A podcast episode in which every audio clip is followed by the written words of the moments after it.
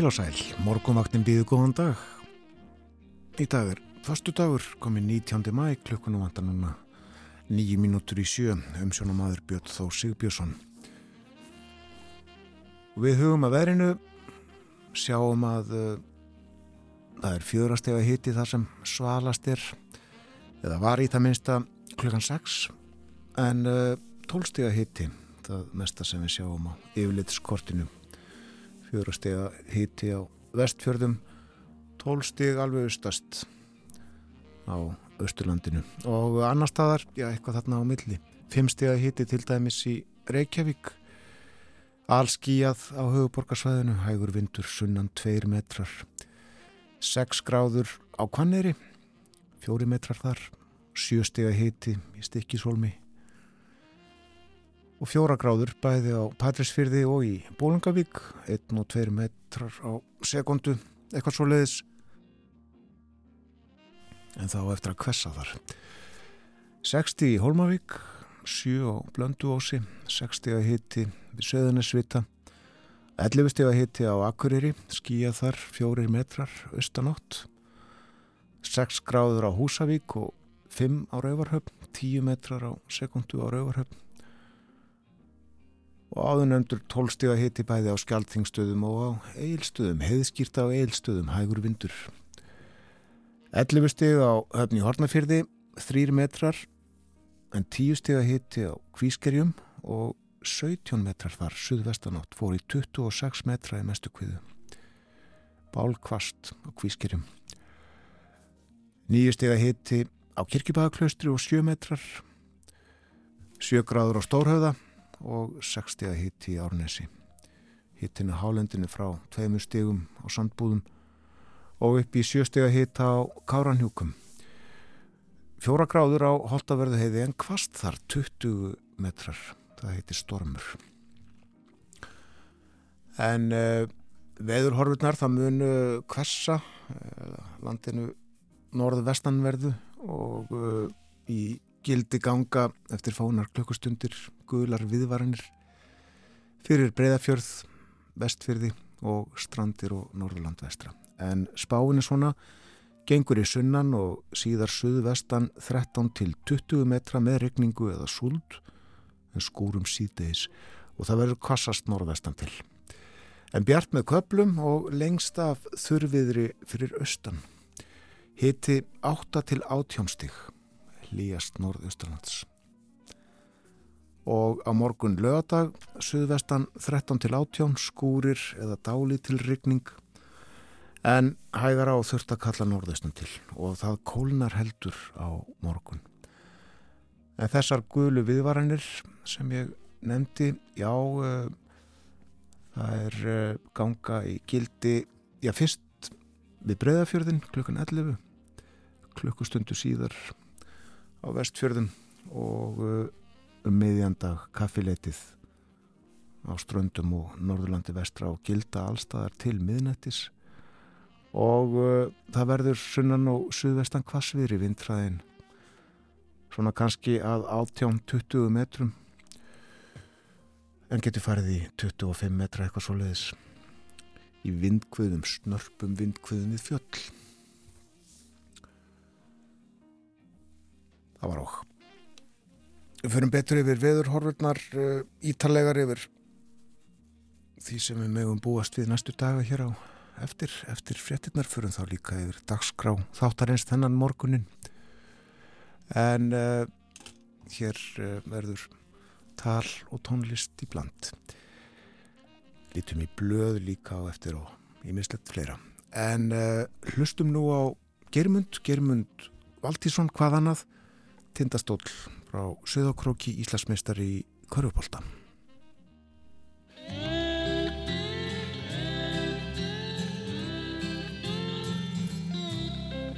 Skólan við ég stundum stóð En tólka lítil hjá til mín móð Og andlit mitt var þá allt sem blóð. Er hún kallaði Er hún kallað á eftir mér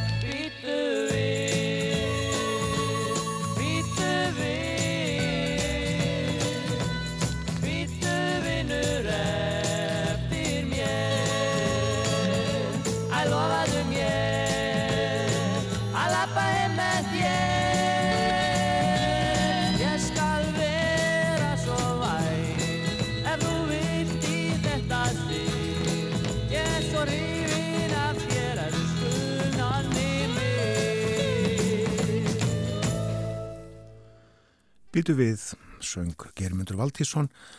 Ég held alveg öruglega þetta sé fyrsta lagið hans sem að uh, naut uh, vinsælda út um allt, allt land, uh, kom út 1972. Rúm hálf öld síðan. Ferill Germundar verið langur og farsæll.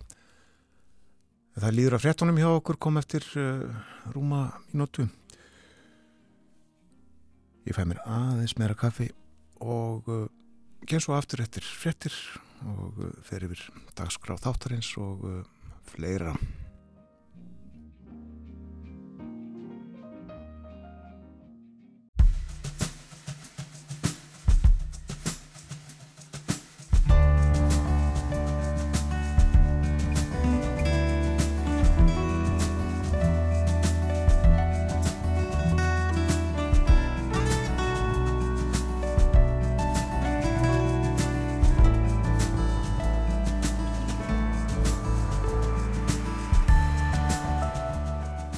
Góðan dag, morgunvaktin helsar fastu dagi 19. mæ. Síðasti vinnudagur vikunar runninu upp helgi framöndan. Umsjón með þættinum hefur Björn Þó Sigbjörnsson. Og við ætlum meðal annars að fjalla um líferismál í dag. Líferisjóðina og almannatryggingakerfið, já, skattkerfið. Þetta hefur alltaf áhrif hvert á annað. Hækki líferisgreðslurnar, þá lækka greðslurnar frá tryggingastofnun og skatturinn fær líka sitt. Hjá mér verður Aðalbjörn Sigursson sem að vinnur hjá lífeyrissjónum Gildi. Við ætlum að fara yfir málinn og reyna að átt okkur á þessu samspili. Nú hér verður líka Ólafur Örn Haraldsson. Hann var lengi formaður Ferðarfélags Íslands og var nýverið gerður að heiðusfélaga. Ólafur þekki landi vel og hefur ferðast um það þvert og endilangt og hann segir okkur meðal annars frá nokkrum uppáhalds eða sérstaklega áhuga verðum stöðum. Ólafur verður hér klukkan hálf nýju. Og svo er það lífið og listin. Á morgun eru liðin 130 ár frá fæðingu Ásmundar Sveinssonar myndtökvara og 40 ár frá opnun Ásmundar Saps. Það er með skemmtilegustu söfnu landsins og húsið í sigtúni ævintýralegt. Og af þessu tilefni þá reyfiðið upp viðtal sem að teki var við Ásmund áttræðan. Það verður á dagskrá hér eftir fréttinnar klukkan átta. En að uh, verinu Guðlar viðvaranir voru nefndar í frettatímanum áðan og í hugleðingum segir veðurfræðingur óvenju kröpp og djúblæð miða við ástíma siglir norð-norðaustur Grænlandsaf og Grænlandssund næsta sólarhing skillæðarinnar valda all kvassri eða kvassri sunnan og suðvestanátt með regningu en síðan skúrum þegar þau fara norður og norðaustur yfir landið Yfirleitt hægari vindur og úrkomu laust fyrir austan. Fremur hlít í veðri í dag, engum austan til og uh, hittast í þar verður þegar best lætur kannski rétt undir 20 stígunum eitthvað svo leiðis, en svo kólnar aðeins. Og uh, já, guðlar viðvaranir í gildi fyrir norðvestanvertlandið, breyðafjörð, vestfjörði og strandir og norðurland vestra. Og viðstofan hvetur ferðamenn til að aka varlega og svo segir ekkert lát virðist á vætutíðinni fyrir sunnan og vestan næstu daga en ætti þó að haldast þurrt lengst af norð-austanlands.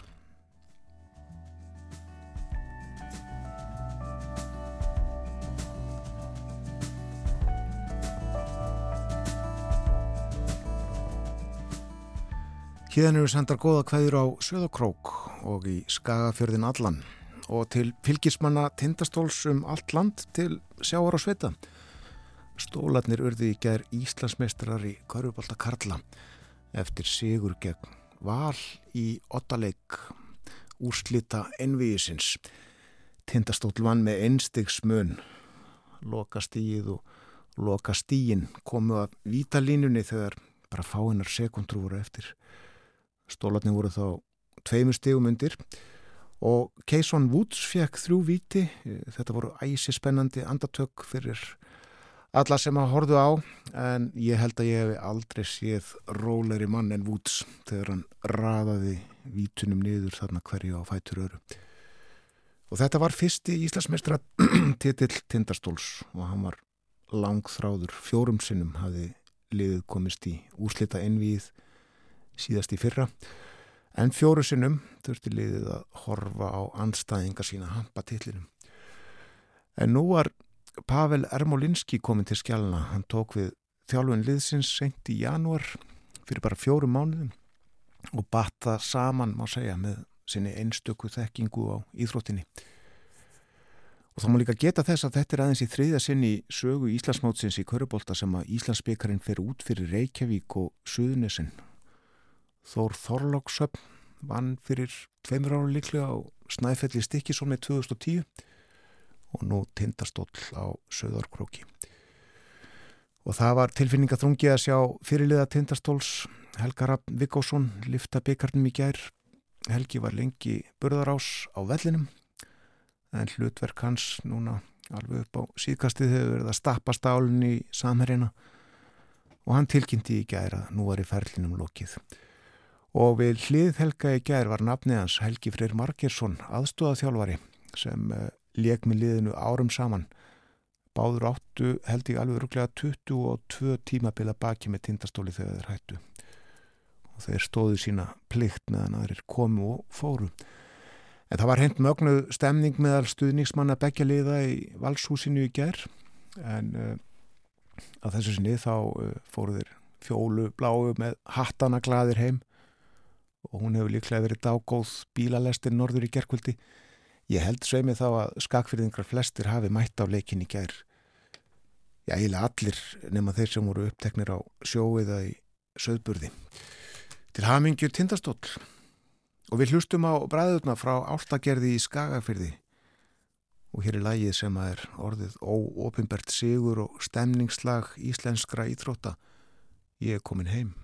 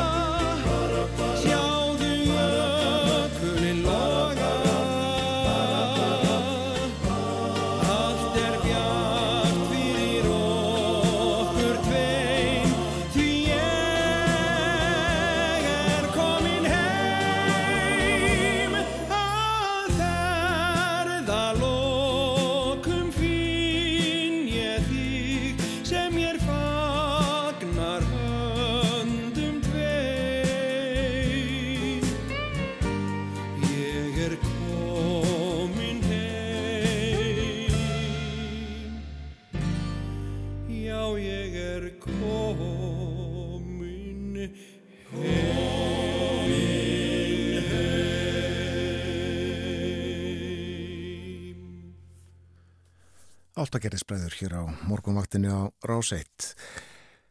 Já, tindastól Íslandsmeistari í fyrsta skipti í Körfubólta Karla og það er flenni stór mynd af uh, leikmönnum liðsins á forsýðu morgunblæðsins í dag og það má heita að þetta sé eina efnið á forsýðu blæðsins þennan morgunin. Og þarna má sjá þá Sigtrygg Arnar, Ragnar Woods, Axel Kárasson og svo fyrir þann Helgar Rapp og uh, Pétur Rúnar með uh, byggarinn á lofti. Ég sé í dagbók að nokkur þekktir leðtóri í sögunni og ekki allir á góðu fættust á þessum degi 19. mæ á mismunandi árum. Atatürk Tyrklandsfósetti til að mynda, Chi Minh hinn vietnamski og Kambodíumadurinn Pol Pot, þeir fættust allir 19. mæ. Og það gerði líka Vittorio Orlando sem var fósættisráð þeirra Ítalíu fyrir heimstyrjöldinni, Mossadegh sem var fósættisráð þeirra Íransum skeið og uh, líka Malcolm X, mannréttinda frumöðurinn bandaríski. Og enn einn nefn ég, Gítanas Náseta sem er fósætti Litáins, hann á Amali í dag. Hann hefur verið fósætti frá 2019 og hann var á leðtúafundinum í Hörpu fyrir vikunni. Og talandu um hörpu, hún var eh, undirlöð vegna leðtóafundarins frá sunnudags síðdegi og þar til síðdegis á miðugudag og starfsemi sem að þar fer annars reglulega framfjall nýður eða var flutt annað.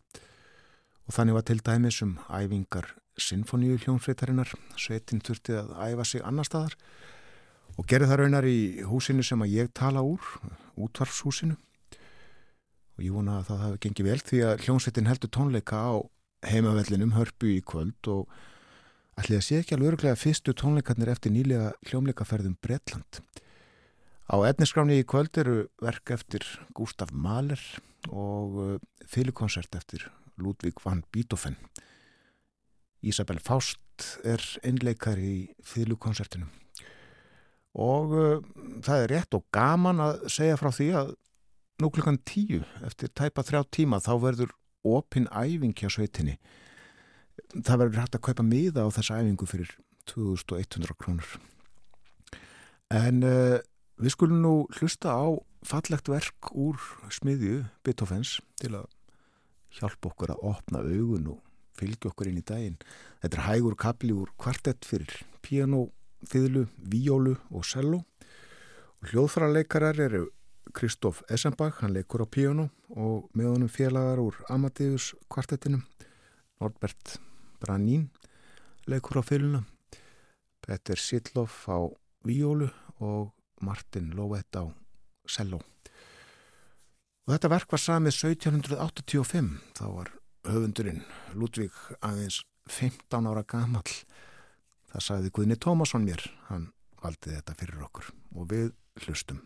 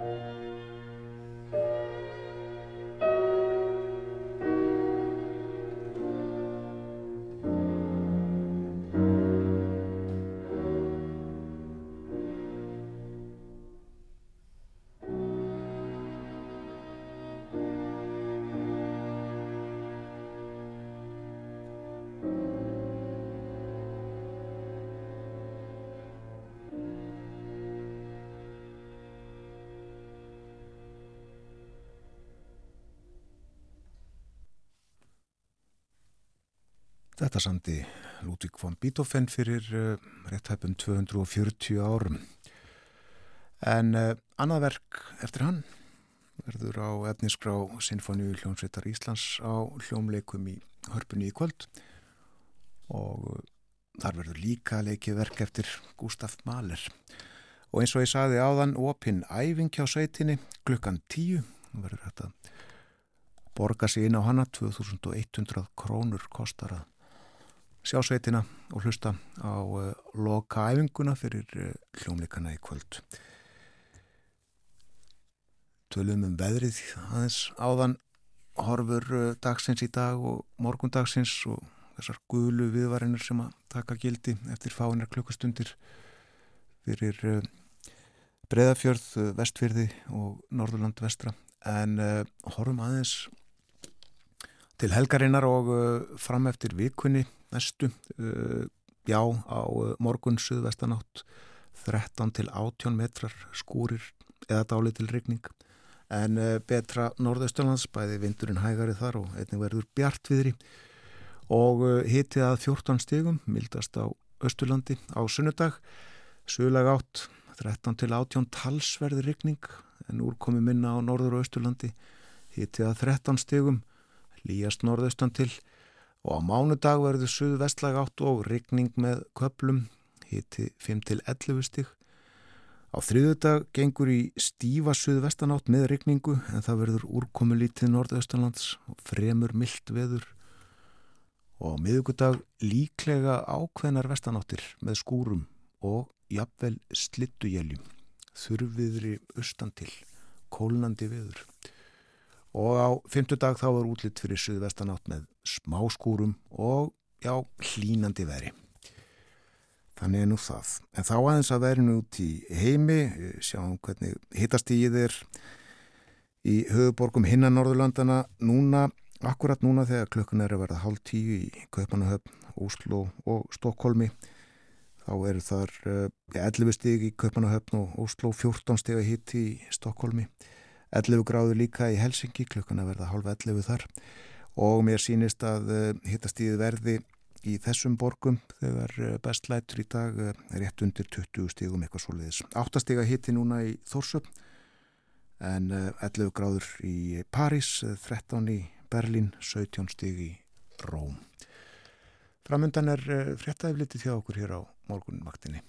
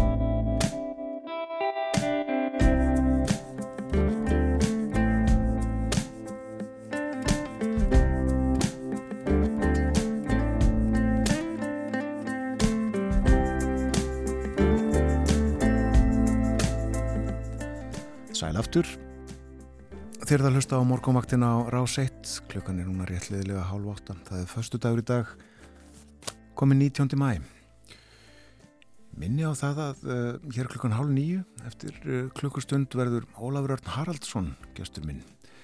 Ólafur Örn Haraldsson var lengi fórseti ferðarfélags Íslands og uh, var nýverið gerður að heiðusfélaga þess. Og við ætlum að reyma okkur gunguskóna ef svo má segja og uh, farið svolítinn labitúr um landið í huganum auðvita tala um uh, gungur, ferðalög og uh, hann ætlar að segja okkur frá nokkrum uppáhald stöðum á landinu. Þeir eru nú margir trú ég. Klukkan átta upp úr áttamelli, átta á hálf nýju þá uh, fjöldum við svolítið um Ásmund Sveinsson myndtökvara á morgun þá eru liðin 130 ár frá fæðingu hans og uh, við draugum hér frem úr safni okkar meðal annars viðtal sem að tekið var við Ásmund árið 1973 þegar hann var áttræður. Það tók Gilvi Gíslason sem að uh, hafði þá umsjón með þætti hér í útvarpinu í skímunni héttan og uh, Gilvi heimsótti Ásmund í sigtúnið og uh, þeir spjöldluð mjög skemmtilegt. En nú ætlum við hins vegar að fjalla um allt annað. Við ætlum að fjalla um og ræða um líferismál, um greiðslur og útgreiðslur, skerðingar og skatt, sem sagt, líferismál vitt og breytt. Og hér hjá mér er Adalbjörn Sigursson, hann er starfsmæður líferisjóðsins Gildis, en uh, Gildi er einn af stæstu líferisjóðum landsins. Velkomin í þáttin Adalbjörn. Takk fyrir og góðan daginn. Góðan dag. Já, við ætlum að ræða um ímislegt sem að varðar uh, líferisjóða kerfið og reyna átt á því hvernig það virkar. Eh, það eru margt að tala, þetta er mikilvægt en um leið mjög flókið. Eh, fólk skilur ekki alltaf hvers vegna samanlöð fjárhæð, líferis og eftirlauna almannatrygginga skila sér ekki á bankareikningin. Þar komuð þetta til tekjur, tengingarnar, skerðingarnar, allræmdu sem uh, mörgum þykja uh, oft ósangjarnar kannski aðra fyrst, er það ósangjarnar svona út frá, lífris, út frá sjónarhóli lífri sjóðuna? Já, ég held að sé nú flestir á því að eh, sko að þær séu e-, eins og þeir eru stilt upp núna þá eru þær eh, of miklar og koma inn úr hratt. Ég held að séu líka allir á því að tekjutengingar séu í raunin kannski ekki óæðilegar. Það er ekkit óæðilegt að einstaklingur sem að segjum er með 5, 6, 7, 800 þúsund út úr lífeyrissjóði fái kannski ekki endilega fullar greiðslur út úr almanntryggingkerfuna eh, frá ríkisjóði og tryggingastofnun. En staðrendin er svo að þessar greiðslur byrja að skerðast við 25.000 krónar það eru svo kölluð frítekjumörk úr lífeyrissjóði þannig að það má svona gróft segja að eftir fyrstu 25.000 krónar greiðsluna úr lífeyrissjóði þá er þetta þannig að ríkið skerðir sínargreislur um, og tekur síðan skatt af greislunum þannig í rauninni að kannski af tíu skrúna greislu þá er lífeyristegin að fá þryggja eða þrjú þúsund krónar hækkun. Og fólku upplifir þetta þannig að, að það, það og sér það þannig að, að fólk sem að kannski greiti lungaða starfsæfina eða alla starfsæfina inn í sjóð, lífur sjóð og uh, horfir á kannski einhvern annan sem greitti uh, lítið og munurinn á tekjum þessar að tekja einstaklinga er kannski og heldar tekjum út úr þessum tveim kjærfum er kannski lítill og mjög, mjög og það verður til þess að fólk hefur minna álit á þetta, þetta smitast yfir lífeyriskerfi vegna þess að fólk segir að það sé þá nánast óþart sko af hverju var ég að borga þetta allar hennan tíma ef þetta skila mér ekki meira? Og, og það er held ég bara mjög svona skiljanlegt að, að það sé niðurstofan og við sjáum þessa 25 skona hæk, þetta 25 skona viðmið. E, það hefur til og með sem ekki hækkað síðan árið 2017 og það er mjög förðulegt einhvern veginn að horfa á ráðamenn. Eh, ég var nú, hef til dæmis hort á til dæmis fórsetur á þeirra fjármálar á þeirra í þessari dýrtið sem við búum nú í dag e, verbulgu þar sem að þau hafi verið gaggrind fyrir að hækka e, bara svona hluti eins og bensingjald og áfengis og tópaskjöld og annað slikt og þau tala alltaf um það að það sé algjörlega eðlilegt og bara eins og það sé eðlilegast hlutur í heimi að verðlag, að þessi gjöld hækki í samræmi við verðlag og, og, og þá verðbólgu, fylgi verðlæginu en þegar kemur að útgjaldarliðinu, þegar kemur að þessum hópum sem eru viðkvæmistu hópunir okkar oft, sko, þetta er fólk sem er komið að ellifri oft oft með takmarkaða tekjur að þá er bara augljóslega engin vilji og það er ekki trefst og þegar þú eru spurð út í þetta þá faraðu yðurlega að tala um að þá sem byrju fer að fara að lagfara tekjumótilið hjá örkjum en það virðist ekki ekki eiga að gera neitt fyrir þennan fjölmenna hóp og þennan sístækandi hóp sem eru, eru okkar, okkar helsti hópur, fólki sem eru á lífverðinu. Mm. En uh, uh, þetta kerfi já, uh, kerfi skerðingana, þetta virðist vera frumskóur, erfitt að skilja þetta og eflaust ekki margt fólk sem skilur til fulls. Gerir þú það? Nei, júrglega ekki. Nei. Það er eh, einn á vefsíðu tringastofna reikni vél lífeyris mm. og, og hérna þar þarf að slá inn alls konar upplýsingar tegund uh, lífeyris og svo er það svona personleir hægir fólks og uh, svo þarf að slá þannig uh, mögulega tekjur og greiðslur frá lífeyrissjóðum og greiðslur viðbótar lífeyrisspartnaðar og aðrar tekjur og fjármastekjur og skattskildar bætur sveitafélaga og frádregin yðgjöld í lífeyri sjóði og, og svo er hérna líka reytur fyrir erlendan grundlífeyri. Það er margt sem kemur til greinilega. Já, gerir þá. Fyrir fólk sem er að fara á lífeyri þá getur það verið tildulega flókið að átta sig á því hvað það er að fara að fá.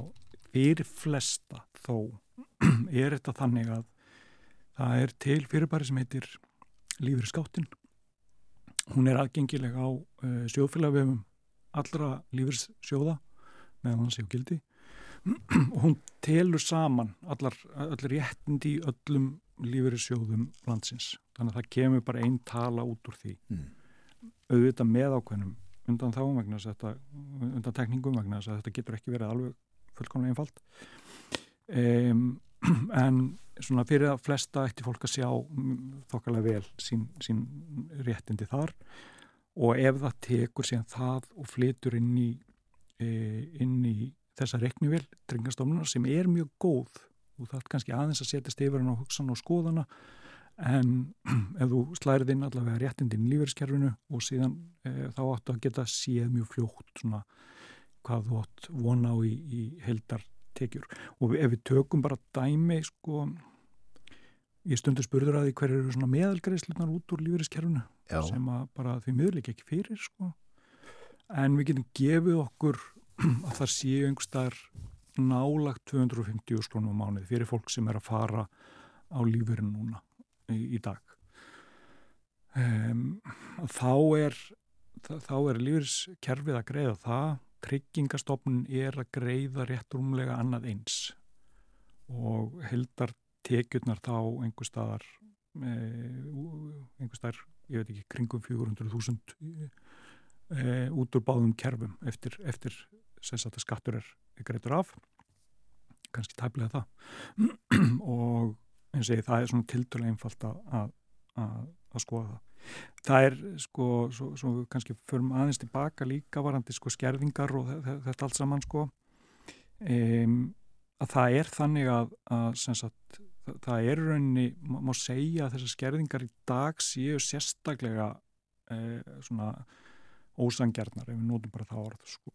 eh, vegna þess að eh, ef við horfum á hópin sem er á lífur í dag þá er það þannig að fæstir, eða bara enginn sem eru lífar í dag, er raunin að fá greiðslur út úr í rauninni svona fullmótuðu kerfi, þess að lífeyriskerfið einn stort og öflugt og það er að þá var það þannig eh, eftir, svona, þessi ár eftir að það var sett á lagjarnar að fólk borgaði fyrsta lagi lægra yðgjöld en líka af sko bara hlut af sínum tekjum.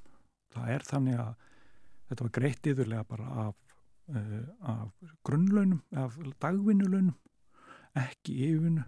Og ef við, yðnaði menna þessum árum að stór hluta þeirra tekjum voru til dæmis og margra voru uh, voru yfirvinnugreislur sjómenn fengur bara greitt á tryggingu en ekki á öllum launum. Þannig að það er alveg skiljanlegt að réttindi þessa fólks eru takmörguð og, og greiðsluna þess vegna ekki, ekkit alltaf mjög háar þó að fólk hafa verið með þokkalega tekjur sérstaklega á þessum árum. E, síðan ferðaðinu lífeyri núna og það er þannig að tryggingastofnun áirinn að vera svona fyrsta stóðin og síðan átti lífeyrisjóðakerfi að koma sem viðbútt en það soldi búið að snúa þessu haus sko.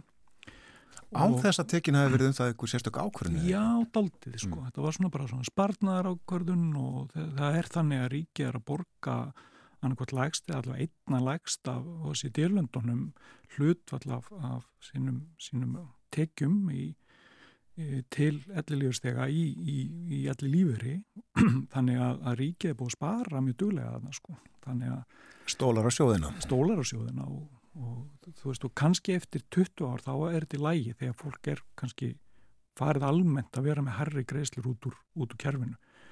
Það er búið að hækka greiðslurnar, við erum borgað 15,5% yðgjald í dag, það var 12% fyrir bara einhverjum 6-7 árum.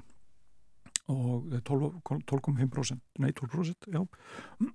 Og, og það var ennþá lægra svona í byrjun þannig að það er búið að vera að þróa kerfið yfir það sem við þekkjum það í dag. Eh, og það, það er, er rauninni frekar mikilvægt bara til þess að byggja upp trú á kerfinu og, og til þess að tryggja eh, fólki og allir stegum alminlega framfæslu að, að allavega þe- þessi grunnframfæsla sé herri að það sé ekki farið að skerða þetta svona grimt svona Nei. rætt sko. Tökum dæmi aðalbjörn. Greiðslunar úr gildi hækkuðum áramótinu það ekki um, um einhver 10% eitthvað Jú, rúmlega 10% og gefum okkur að, að einhver, uh, einhver sjófélagi hafi þar með hafi verið með 200.000 og hækkað um 20.000 um, að þá er ríkið raunin að taka í formi skerðinga og skatts 13.000 af þessum 20.000 krónum.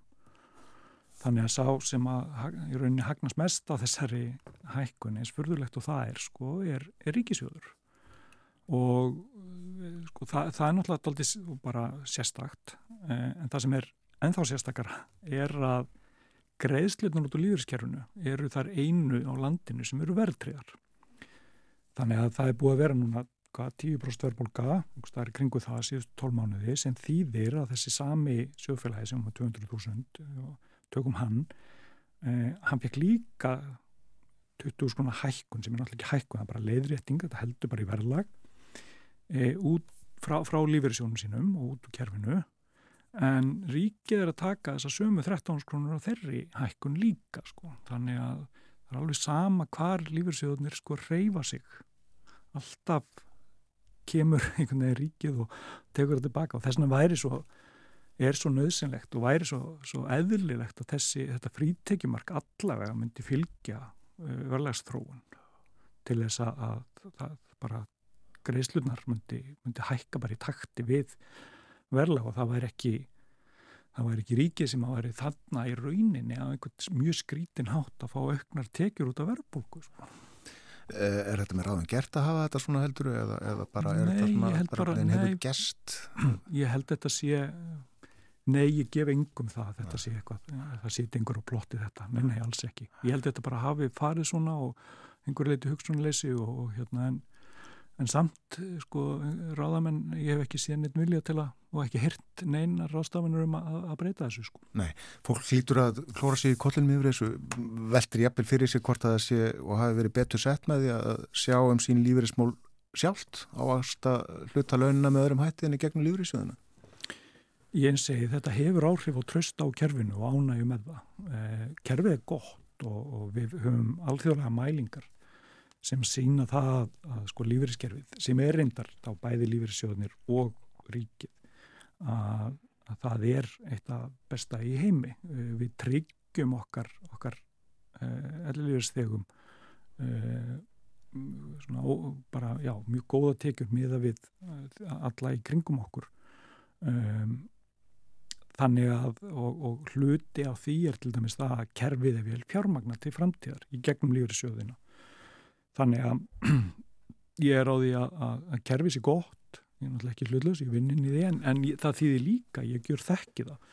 Og ég veit hvað það þýðir hjá þjóðum sem eru ekki með svona kerfi þeir sem að horfa framann í það að ríkisjóðu þurfa að standa undir útgjöldum við til ellilíferis fyrir eh, sko, þjóðir sem eru með, með sa, sama kannski stefnir sömátt og við þar segja að það verður sífælt starra hlutfall þeirra sem er, landsmanna sem er á ellilíferi eða er eldri sko vegna að við lifum sífælt lengur. Já.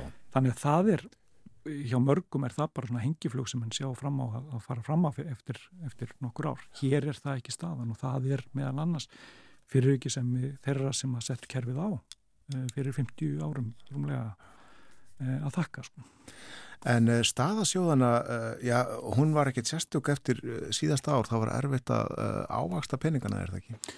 Ég, það var erfitt að ávaksta peninga allstaðar í, í fyrra. Það voru, það voru er, mjög erfiðar markasastar og óvenjulegar að því leiti að yfirleitt er þetta þannig að ef að það gengur ítla ávaksta hlutabrif þá eru skuldabrif uh, skila á getur ávakstun eða það er einhverjir eignaflokkar sem eru lægi meðan aðri sína slæma ávakstun en í fyrra þá einhvern veginn laðist þetta bara allt og eitt að, að, hérna, að ávakstunin allstaðar var uh, svona freka slæm og það skilaði einhverju raunágstun upp á uh, hvað, mínus 10% sko, þannig að það, það var náttúrulega ekki gott og þar kemur aftur, sem við fyrir nú loðbendi ríkið aftur, sko, þar hafði dæmis áhrif hjá mörgum þetta svo kallar íelsjóðsmál sem að hjá gildi einum, ég menna þetta, þetta, þetta útspil fjármálur á þeirra að segjast alltaf að gera sjóðin upp og, og og svona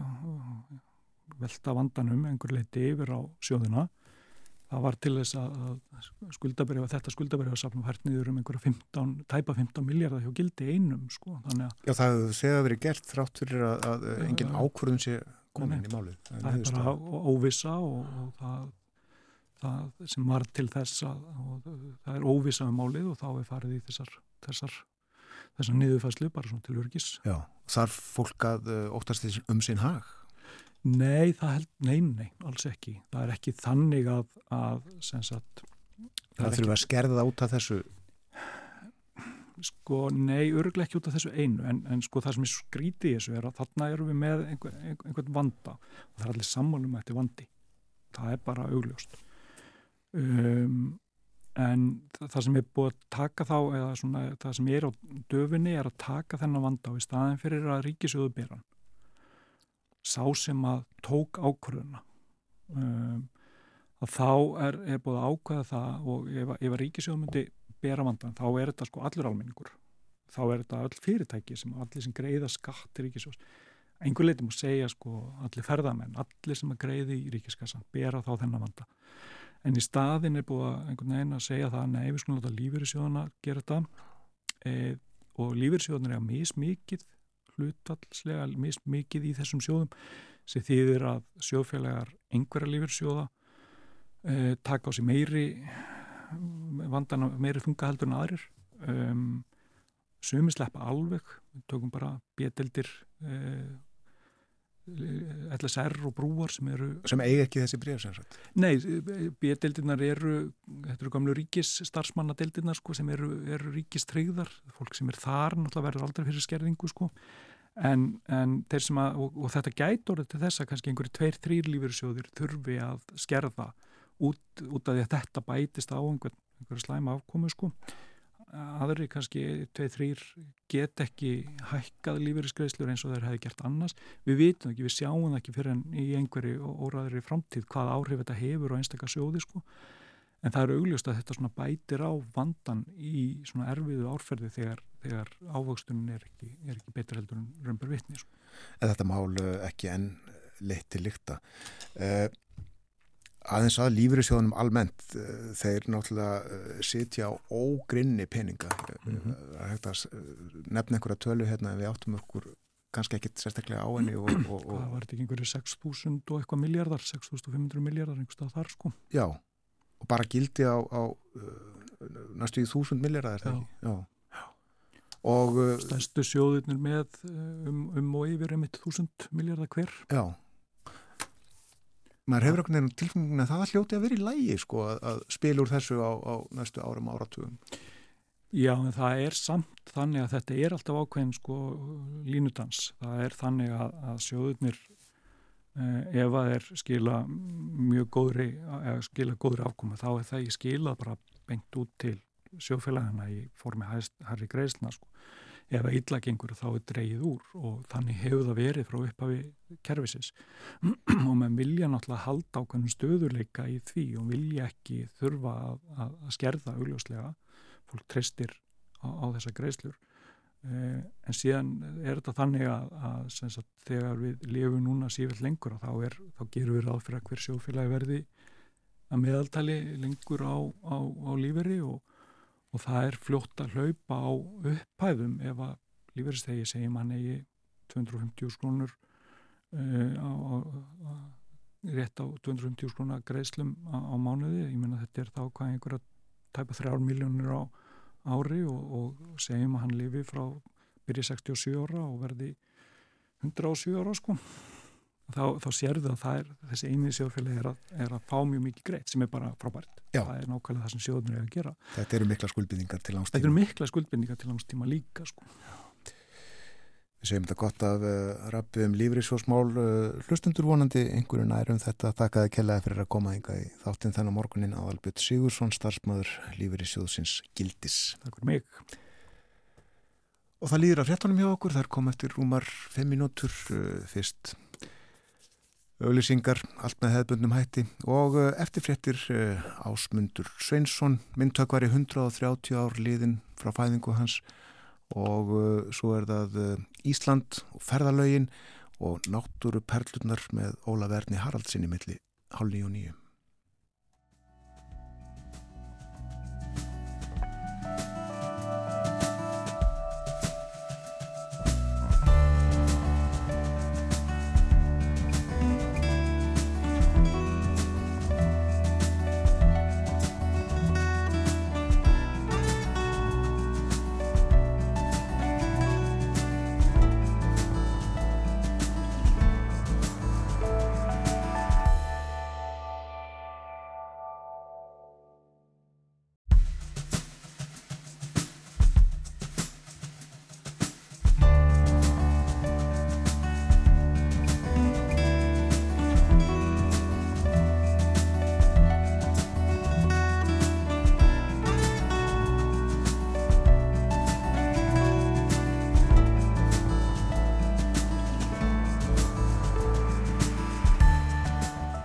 Aftur þegar það hlusta á morgunvaktina á rás 1 klukkan nú farin að ganga nýju 6 mínútur gengin það er förstu dagur 19. mæ Við ætlum hér eftir smástund að fjalla um Ásmund Sveinsson.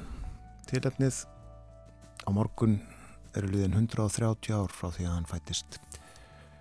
Og uh, eftir hálf nýju verður Ólafur Örn Haraldsson gestuminn hann var lengi formaður ferðarfélags Íslands og var nýverið gerður að heiðusfélaga ætlum að spjalla við hann um uh, ferðalög, gönguferðir og uh, nokkra staði á Íslandi, nokkra uppáhald staði Ólafs.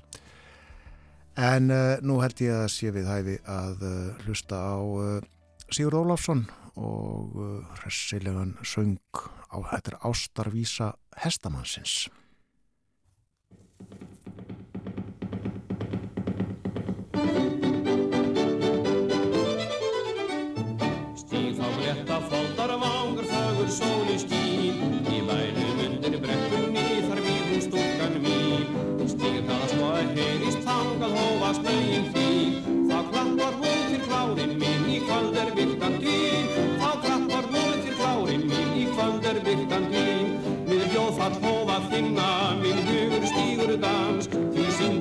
Á flýir til stýrin heitna dans Við hljóðfall hófa finna minn hugur stígur dans. Því syngir frjáls á flýir til stýrin heitna lands. Því syngir frjáls á flýir til stýrin heitna lands.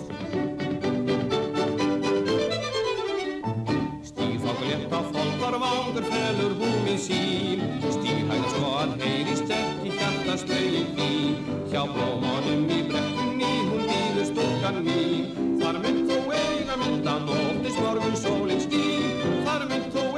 eiga myndan óttist morgun sólinn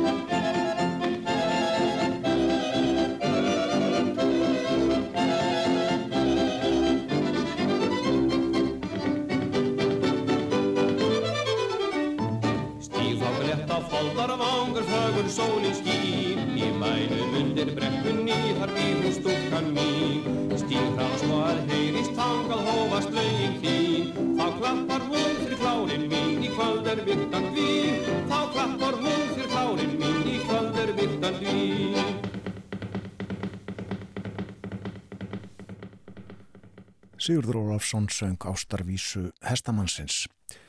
Á morgun 20. mæri liðin 130 ár frá fæðingu Ásmundar Sveinssonar myndtökvara og af því tilipni verður opnuð sérstök síning á verkum Ásmundar og hins sænska Karl Milles sem einni var myndtökvari og einn læri fæðra Ásmundar. Og það eru líka 40 ár síðan Ásmundarsapn var opnað. Það er ævintýra heimur sem listamæðurinn reisti sér Þar bjóðan og vann og ánafnaði svo Reykjavíkur borg á samt fjölmörgum listaverkum sínum eftir sinn dag. En þegar ásmundur var áttræður árið 1973 þá tók Gilvi Gíslason um sjónamaður þáttarins í skímunni hér í útvarpinu hús á ásmundi. Þetta var um haustið, þá stóði við síning á verkumans í listasafni Íslands og við skulum grípa niður í þátt og viðtal Gilva.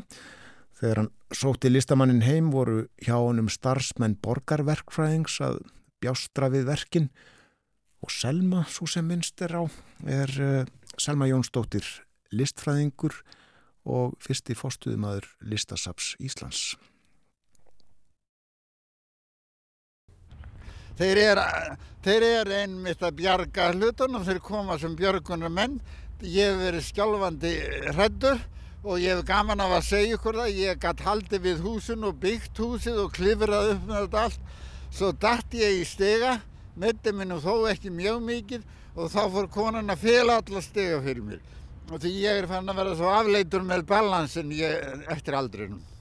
En nú koma menn að hjálpa mér og það er hátíðstafur það, það, það þarf að halda þessu við alveg eins og við höldum við húsunum Þetta er steinsteipa og, og náttúran vinnur á þessu ef það er ekki hyrt.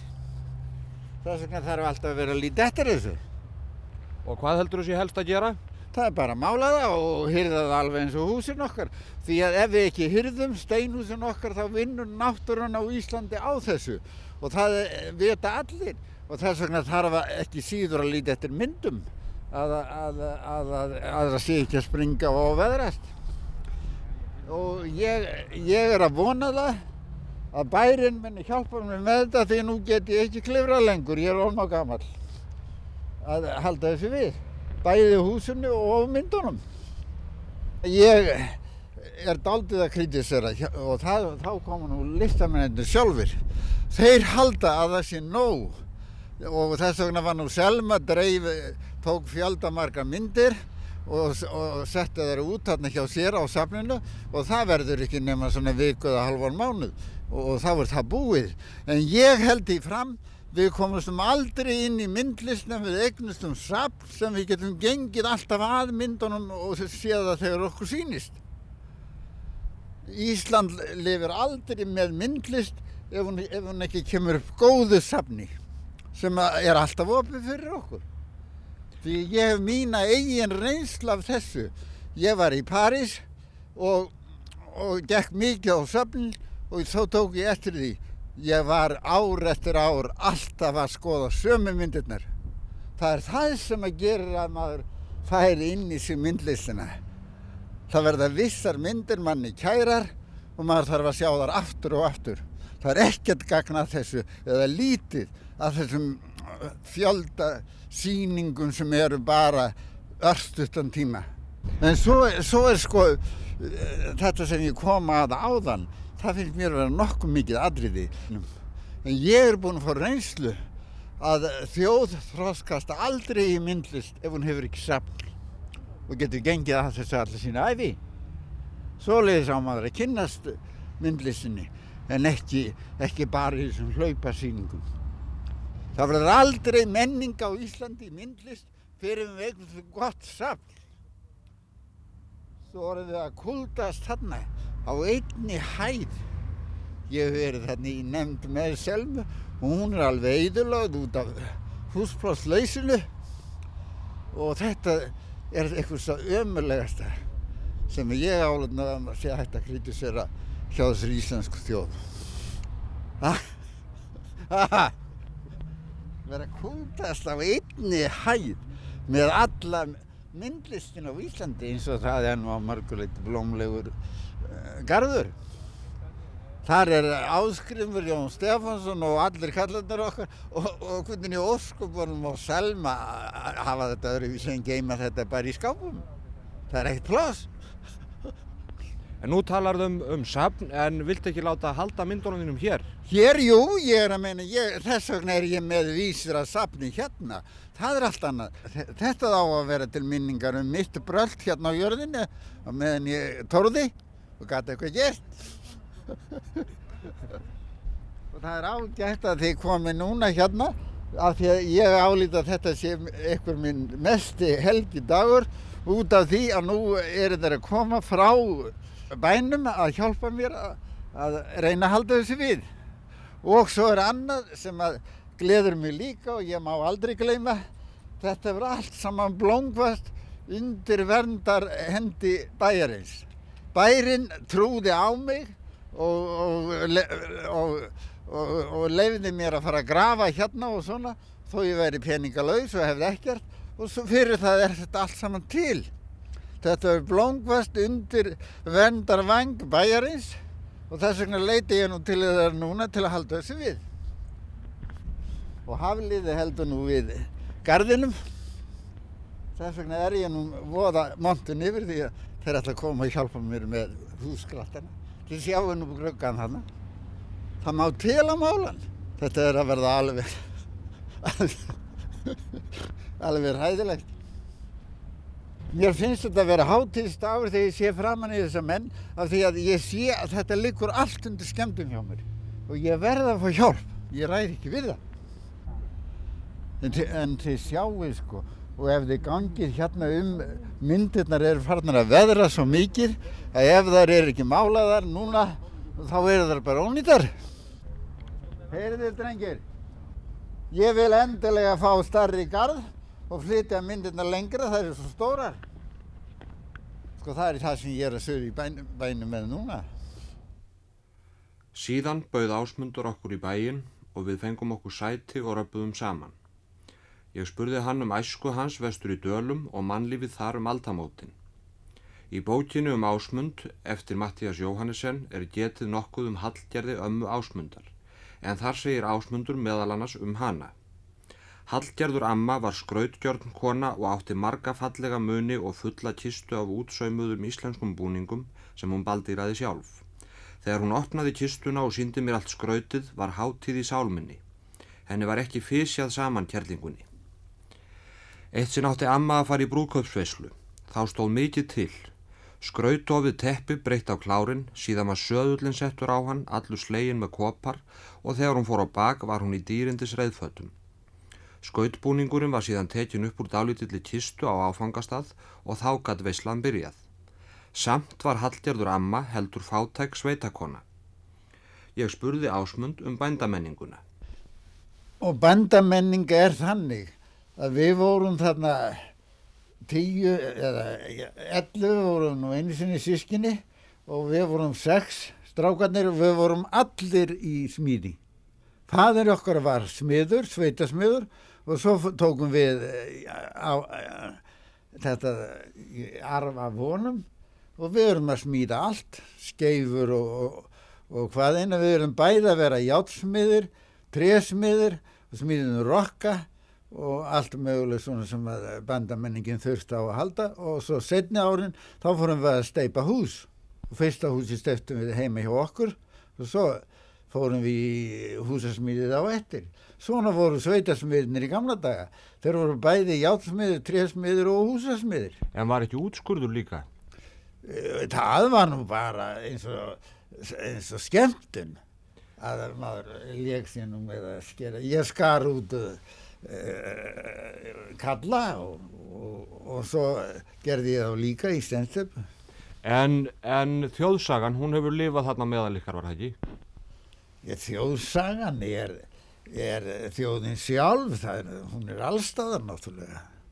Það er nú ekkert, En uh, það, það er þarna sko sem ég kemd aldrei öfugur við þjóðsögur og sagna mennina að Íslandingur er alltaf í orðinu og sögunni. En ég er að minna þá á það er þó til núna málsáttur á Íslandi sem segir sjón er sögur ríkari. Og það er það sem þeir vara sig ekki á nú. Ég er búin að taka eftir því. Nú er að koma sjónvarp á hvert heimili og, og ég vil að þeir vandi það miklu meir en þeir gera. Því mér er farið að líða illa þegar ég kem hér út að þá koma krakkarnir hérna neðanfrá og ótað mér biss og segja upp með hendurnar og er að leika það sem þú sjá í sjónvarpinu. Og það er ógeðslegt að vera sífælt að sína glæpamennsku á hverju heimili hér upp á Íslandi. Ég, mér langaði nú alltaf til að verða myndokvari en ég vissi að það var svo fjallægt þá draumur að ég þorði ekki að fara fram á það. Fyrst talaði ég við móður mína um þetta, mér langaði til að fara að læra tréskurð og hún tók nú vel í það og en svo hverði ég nú meira fyrir pappa mína því að hann vildi að allir eruðu bendur og trúði ekki á neitt nema jörðun og, og það. Og svo mann man ég eftir því þegar hún myndist nú á þetta við hann að mér langaði til að fara söðu til að læra tréskurð af því ég var nú fíkta búin að fíkta mikið. Og þá segir kallinn fadir minn það er kannski ekki svo vittlust því hann verður aldrei almennlegur bóndi og hann lefði þetta. Og svo fór ég með prestinum sér að Jónesi til Reykjavíkur og, og hann kom mér fyrir hjá Ríkardi til að læra tréskurð. Og það var nú fyrsta byrjunin. Og svo má ég ekki gleyma því að ég fór strax í einskólan líka og þar var hann uh, málarinn okkar hann, Þórun Þorlófsson þar var hann kennari og þar ég, sanna, ég gleymi honum aldrei hvað hann var góður kennari Það var Gilvi Gíslason sem að ræti við Ásmund Sveinsson í húsi listamannsins, já, úti í gardinum í Sigtúninu. Viðtal frá hösti 1973 og frá æfintýraveröld Ásmundar fyrir við á Latinball í Búðardal með Tómas R. Einarsinni og félögum hans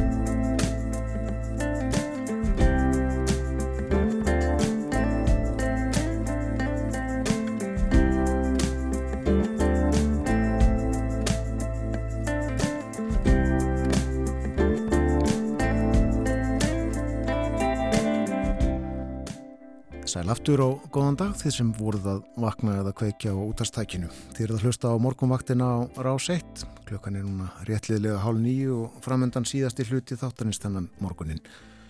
Og við förum í svo litið ferðalag í huganum. Við ferðumst fótgangandi um landið okkar fagra og komum við á stöðum sem við höfum kannski ekki komið á áður. Þannig er að á dögunum var Ólafur Örn Haraldsson gerður að heiðusfélaga í ferðarfélagi í Íslands. Ólafur var formaður félagsins í næstum 20 ár og mér er sagt að í formans tíð hans hafi félagið vaksið mjög og dapnað. Marki munna nú eftir Ólafi og politíkinni, hann satt á þingi í tvö kjörtíma bil og var svo lengi þjóðgasvörður á þingvöllum. Velkomin Ólafur. Takk fyrir. Til hamingju með heiðusfélagana bótina. Já, mér þetta er mjög ventuð það. Ég trúi því. Er ekki rétt hjá mér að, að Karl Fæðin, Haraldur Mattíasson hafi verið uh, gerður að heiðusfélaga í ferðarfélaginu sem tíma? Jú, það er alveg rétt það er. Hann var heiðusfélagi. Það er ekki margir sem að, að njóta þess heiðurs og ég segi það nú bara rétt út en það er alveg rétt. Hann ferðaðist mikið um og móði minn, Kristín Ólafsdóttir, þau voru alltaf gangandi, það þótti mjög sérkjænlegt og uh, saman og þó hann aðalega skrifaði allan margar árbængur fyrir ferðfélagið. Já, og hefur áhugan á landinu og útivist frá honum og á þeim? Já, við sískinn uh, fórum með þeim alltaf í ferðalög og ekki síst ég og um, kynntust þar með ferðarfélaginu og starfsemið þess svona eins og hægt er að gera sem barn en, en uh, svona 8-10 ára þá uh, var farið með okkur krakkana inn í allir dæmis inn í hagavatnu og upp á jökul og svona sem mann þótti var náttúrulega mjög merkilega og uh, vera með í að taka til í skálum og, og svo framvegis. Þannig að ég fekk þetta alveg í frá fyrsta, frá fyrstu barsæsku ef maður getur orðað þannig. Já, þá var nú allir útbúnaðar með öðrum hætti enn í dag. Ég kom minn álmáttur það er Þetta er að sjá þennan búna sem að fórildara mínu voru með á bækinu. Þetta voru þessi gömlu þrýhittninga bakbókar og um, tjaldið var þunglirist tjald með trija súlum og oljuprímus og hérna ég hef reykist á nestislistanir heima á okkar gamla heimili og það er ég, það er svo það eru kartablur og, salgjöt því að þau gengur stundum við dugum saman Já. með alltaf bækinu og ég skil bara í hvernig þau komast yfir þetta allt saman. Nei, þú er ekki farið yfir Grænlandsjökul með þennan búnað? Nei, ég hef ekki gert það, en það er önnur, allt önnur útgerð. Og eins og að fara yfir Grænlandsjökul, við vorum fyrsti leiðangur sem fór yfir Grænlandsjökul við þrýr félagarnir, Haraldur og Yngþór og ég. Og eins líka fyrst við vorum með fyrsta leiðangurinn á Suðupólinn og þetta er náttúrulega bara eiginlega svolítið svona verkfræðilegu útfærsla á slíkum leiðangurinn það má ekkert vera í ofið að van og um, uh, það þarf að gæta að, að hilbriði og orku og hver veit hvað. Þannig að það er mjög sérstakt svona til þess að minna sig á að vera að hafa ekki allt og mikið með þá hafa menn svona uh, sagað helmingina tambustanum sínum til þess að minna sig á að það má ekki að auka vera en það má ekki teldu vanda Nei, einmitt. En aftur hingað heim um landið, hefur séða nánast allt? Uh, nei, ekki. Það er uh, svona einhver alltaf einstakir staðir en ég held svona fengið yfirleitt yfir, yfir flesta, flest svæði landsins og náttúrulega mjög marga sérstakar staði en ekki komið á þá alla. Nei. Maður er alltaf, alltaf uh, er forvitin þegar maður heyrir af, af frásögnum af, einhverju stöðum sem maður ekki komið á. Óttið er þína uppáhaldstæði? Já, ég á það, ég vil nú nefna uh, jarlættuslóðir. Jarlættur er, er fjallgarður sem er fyrir, ég skulum bara áraða þannig fyrir innan Gullfoss upp við Jökulinn. Og þar stendur þessi Móbergs röð. Og Jökullin hefur hópað, náði áður fram að jarlættunum og uh, nú hefur hann hópað þannig að það hefur opnast þarna dalur að baki þessa, fjallar, þessa fjallarana. Og þarna er óbyggða kyrðin alveg og tröfluð og feiknarlega gaman og fallett og ég bara vona það að, að þetta svæði fána að vera í friði fyrir uh, skarkala og mannvirkjum. Já, Þetta finnst mér vera mjög áhugaveru staður. Þá er farildamins inn í hérna skálpanir sem kallað er, það er að segja inn á Bláfellsháls og gengi það niður í niður Hagavatni. Þetta er 18, 18-20 kilometrar og það er 800, á 800 metra eh, fall, það er að eh, lækkun og að vísu er landið mjög gróft en, en þarna, þetta er hægt að gera á, á einum, einum degi. Þetta finnst mér alveg einstaklega fallegur staður og svo er náttúrulega óhjákvæmlegt að nefna svæðið fyrir innan uh, landmannalögar þar er náttúrulega heitt fegustal uh, svæði Íslands í bæði litum og, og, formi fjalla og sérstaklega vil ég þar nefna Hattver og svo erum menn allir allir uh, æstir í að sjá þennan græna hrygg sko. En hann var mönnum alveg ókunnur uh, þar til að uh, ég byrti myndir og frásögnu af honum nema náttúrulega sjálfsögðu fjallmenn eða smalar og náttúrulega marg búin að, að sjá þetta og sögðu svo sem einhver sérstaklega frá því en þetta er mjög, mjög hérna, fallegur staður og, og allt það svæði alveg gífurlega fallegt já. Verður uh, fegurinn kannski uh, enn meiri þegar þú hefur þurft að hafa fyrir því að komast á staðin? Já, það, það er alveg rétt og, og, og að koma sem sagt upp á fjallsbrún eða út á da, da, dalsbrún og opnast fyrir manni það land sem maður hefur áður séð þá fær maður uh, þægilegu uh, tilfinningu að maður finnst landið sé bara vin, vinur manns og þarna sé uh, já leikvallur sem maður getur uh, unnað við Og það er ekki þannig uh, að uh, þú segir, hugsir, uh, nei ég þarf ekki að fara þangað, ég hef komið þangað, það er alltaf gott að koma á sömu Já, staði það, það, aftur. já, það er náttúrulega alveg rétt en, en uh, þó er það nú þannig að ef maður hefur um tvent að velja þá vil ég nú gætna hann prófa eða fara á einhverja nýja, nýja, nýja staði.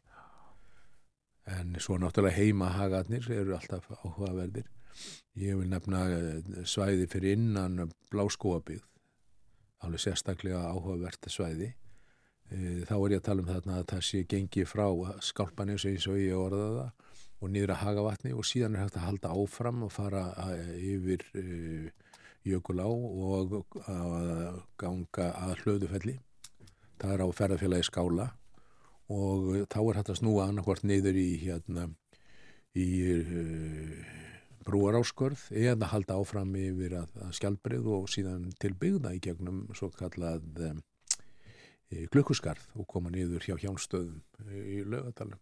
Þetta er fjóra dagaferð að, fjallabæki og það er svo magnað að sjá þennan um, skarpa mun á annars vegar þessari auðn sem er þarna inn til uh, jökla og hins vegar hinnum einn uh, fjallrannars sunnafni. Þeir eru blómlegustu byggðir Íslands.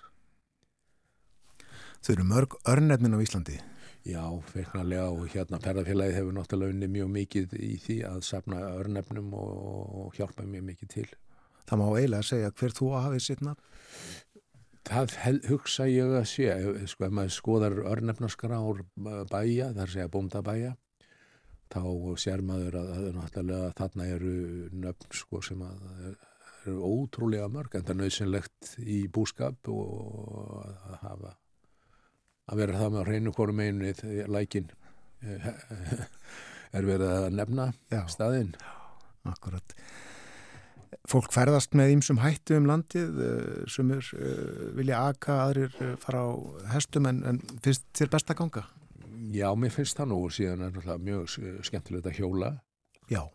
og en það er skemmtilegt að að ganga að vísu, sko, verðum að minna það sko, takmörkin við það að ganga er alltaf þetta, maður kemst ekki mikið meira heldur en svona 18-30 km en sá sem fer ríðandi ég er alltaf öfunda þá svolítið af yfirferðinni og eins líka þeir sem fara á, hjó, hjólandi það er svona já, maður er að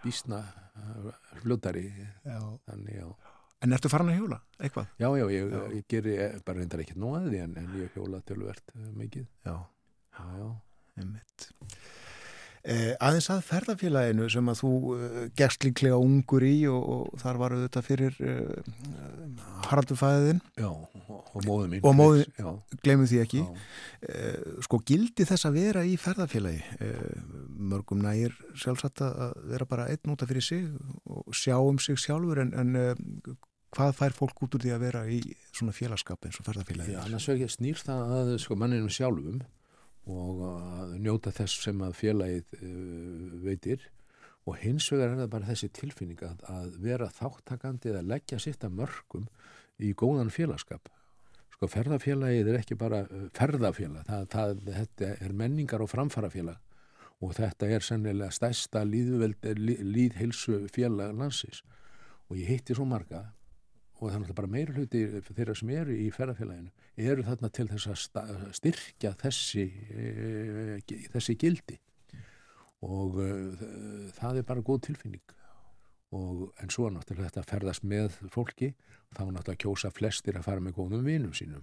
Og það er náttúrulega ómetanlegt að, að ganga og koma þreyttur í, í tjálstað með góðum vinum Það er náttúrulega ómögulegt að vera með einhverjum leiðilegum í ferðarlagi um landið. Já, en yfirleitt er leið, leiðinlegt fólk ekki í, í svona, svona ferðum, en koma svona með yfirleitt með svona uh, sínusotna sjálfum sér í, í besta, besta sínusotnir.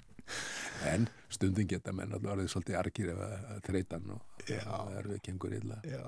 En sko ferðarfélagin er náttúrulega gagnmerkur félagskapur, þeir stopnaði 1927, það eru við 95 ára og er eh, sko, by- byggt á, á gömlum grunni sem að ferðarfélagi heldur mjög fast í að, að eh, víkja ekki frá því. Þetta er uh, sjálfbúðaliða uh, starf hjá mjög mörgum nefnum alltaf starfsliðið á skrifstofinni og uh, ennum leið og, og, og, og, félagi stendur mjög tröstum fótum og heldur fast í sinni gömlu eh, hefðir þá þarf félagið að vera opið fyrir nýjungum og líka vera frumkvöðl og, og sveigjan, sveigjanlegur uh, fórustuðaðili í að efla uh, nýtt uh, ný viðfánsefni og ferðarfélaginu hefur tekist þetta þú talar um það að félagi hefur elst þá er það alveg rétt og það er held ég vegna þess að við höfum áttað okkur á hvert svona, hvernig ströymurinn liggur og hver áhugi fólks og breyttar ferðamenjur þannig við höfum bara tekið þátt í því og sem stundum verið frumkvölar í þessu og uh, þetta hefur gert það að verkum að félagið hefur uh, vaksið uh, mikið. En þetta er svona, finnst mér vera áhugaverðast við, við uh, það að vera í ferðafélaginu. Já. Og svo tókuðu upp á því að, að, að segja, skapa félagsmenn framtíðarinnar með ferðarfélagi barnana. Já, og, og, fer, og ferðafélag unga fólksins. Við höfum gert það, en það er margt skemmtilegt að gerast. Bara í, í gerkvöldi, þá vorum við upp í Úlfarsfelli. uh, þar vorum við með göngu á fjallið á samt uh, fjallakofanum og um, World Class. Og Fórsett Íslands, hann heiðraði okkur með því að koma. Helgi Björns og félagar sáum tónlistina drinjandi e, músík. Og um, þetta var alveg sérstaklega skemmtilegt en þetta var magnað þýleiti að það var slagveður hérna í fjallinu. Já. en þarna komu mörg hundur um aðs Og það er sagt frá þessi morgunblöðin í dag, rigningunni fagnað á. Það snúið bara upp í rigningarhátt. svona á þessu og þarna er náttúrulega Páll Guðmundsson, framkvæmdastjóri hann er náttúrulega heilina bak við þetta en þetta er svona dæmi um það sko, hvað eh, sagði, nýjungar og, og fjörið í ferðarfélaginu þetta er ekki, þetta er ekki gamall stafkall sem að stöðlastöfum heldur er þarna uh, sprækur uh, aðili Já.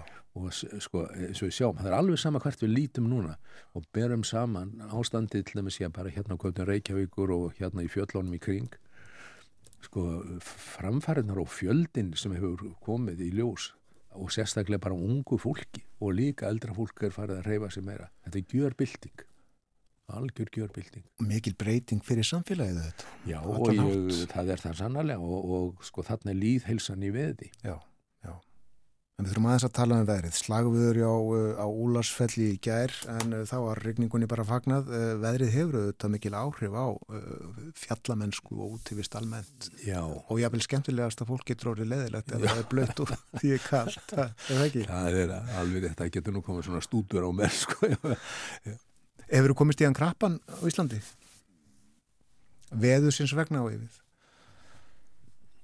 Ég veit, nei, ekkert þannig að ég sé að við verið svo sem í, já, já, í lífsættu, ég veit ekki, en það er alltaf hætta á ferðum þegar við erum að vaða ár Já, og uh, á jöklum. Uh, sprungunar eru, eru hættulegar. En uh, ekki en neitt að öðru leiti ég ætla ekki að fara að nefna, nefna neitt sérstætt í því efni. Nei.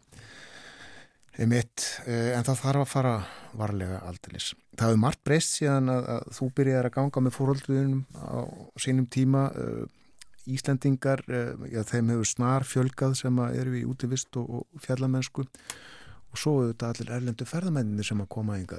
Þurfum við að hafa ágjör á landinu? Já, við þurfum að gera það og en það er hins vegar ótrúlega hægt að taka móti mörgum ef það er felt í ákveði skipulag og það, og svona, það, það, það, það er aðstæður fyrir hendi sem að geta haldið utan um þetta.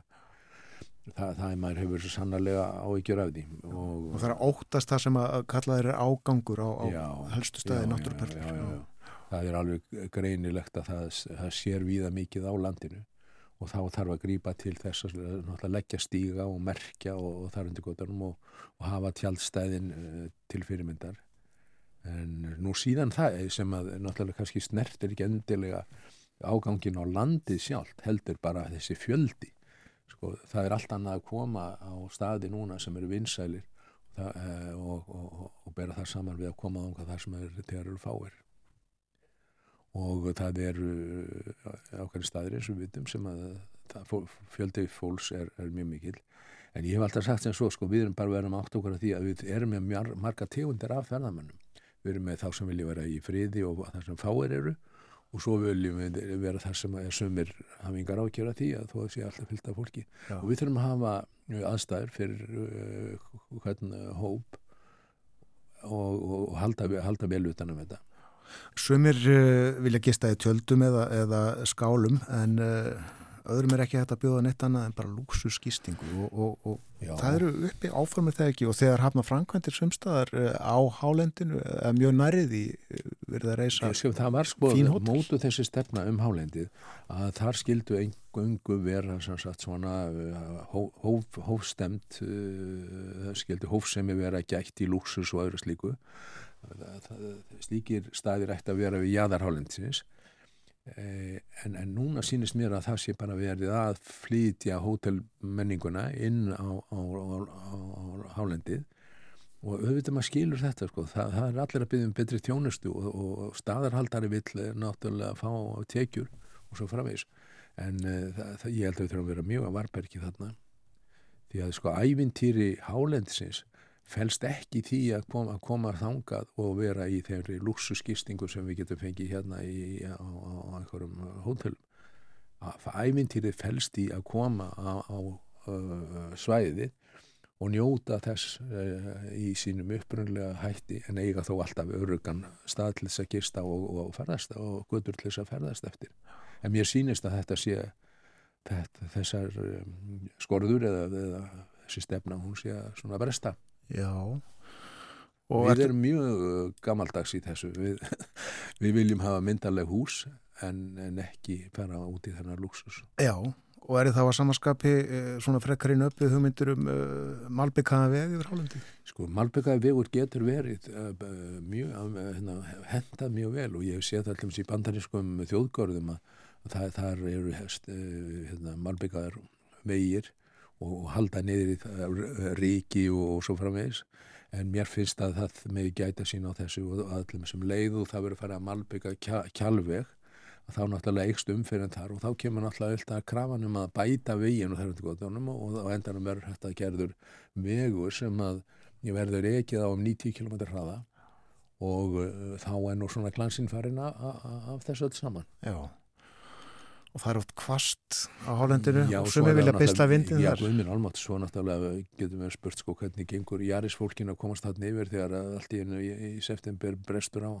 vonsku veður, en, en ég hef uh, áhyggjur af þessu og mér finnst að við mögum ekki taka æfintýrið frá, frá okkur sjálfum. Nei, nei. En virkjana hugmyndir, þær eru margar. Já, það eru nú margar og sem betur fer uh, er búið að fella þetta nokkuð í skorður með, með rammaállinni en þar er náttúrulega alltaf einhverju sem er að reyna að smjúa undan því og eru þessi með þessi, þessi uh, ófaglegu og, og, og ég vil segja sko lágkúrulegu aðferði til þess að sleppa við uh, mat með því að hafa uh, virkjarnir undir 10 megavöttum. Þetta er náttúrulega bara fúsk og ekkert annað en það. Og, uh, og síðan ætla menn náttúrulega að sprengja það utan af sér þegar þeir eru komin á stað og hækka þetta, stækka virkjunina. En þarna er, er verið að vinna oft óþarfa verk. Já. Það er gengið á, á landinu í þessum hætti. Já, sko, ef, var, ef fólk þarf að átt sig á því, hálendið er ekki stór, stórt svæði. Þetta er tiltölulega lítið svæði og ef við erum alltaf að kroppa eitthvað af því, ég fæ að kroppa hérna svolítið og reysa hérna í hótelu, ég fæ að koma með mína virkun hérna og ég ætla að malbygga hérna inn eftir og þar hendur gotinu, svo ætla ég ekki að gera meira. Þá kemur ný og ný kynslu og elst upp við þetta, þetta nýja ástand sem búið er að, kroppa. Og þetta hérna uh, smám saman jétur af, af hálendinu. Ólafur, þú varst á Úlarsfelli í ger, hvert allar að ganga næst? Ég, það var nú ætlunin að ganga með ferðarfélaginu úr grafningi og yfir já, fjallendið vil ég kalla þetta á leiðinni til e, hveragerðis. Og það, þetta er hópur sem að kallast léttfetti ég er nú ekki að segja, ég passi akkurat í undir það nafn en, en þarna er gengið yfir uh, hálendi sem er mjög áhugavert. Og uh, sérstaklega gengið upp á eitt fjall sem heitir til sérkynlega hafni Álútur. Já.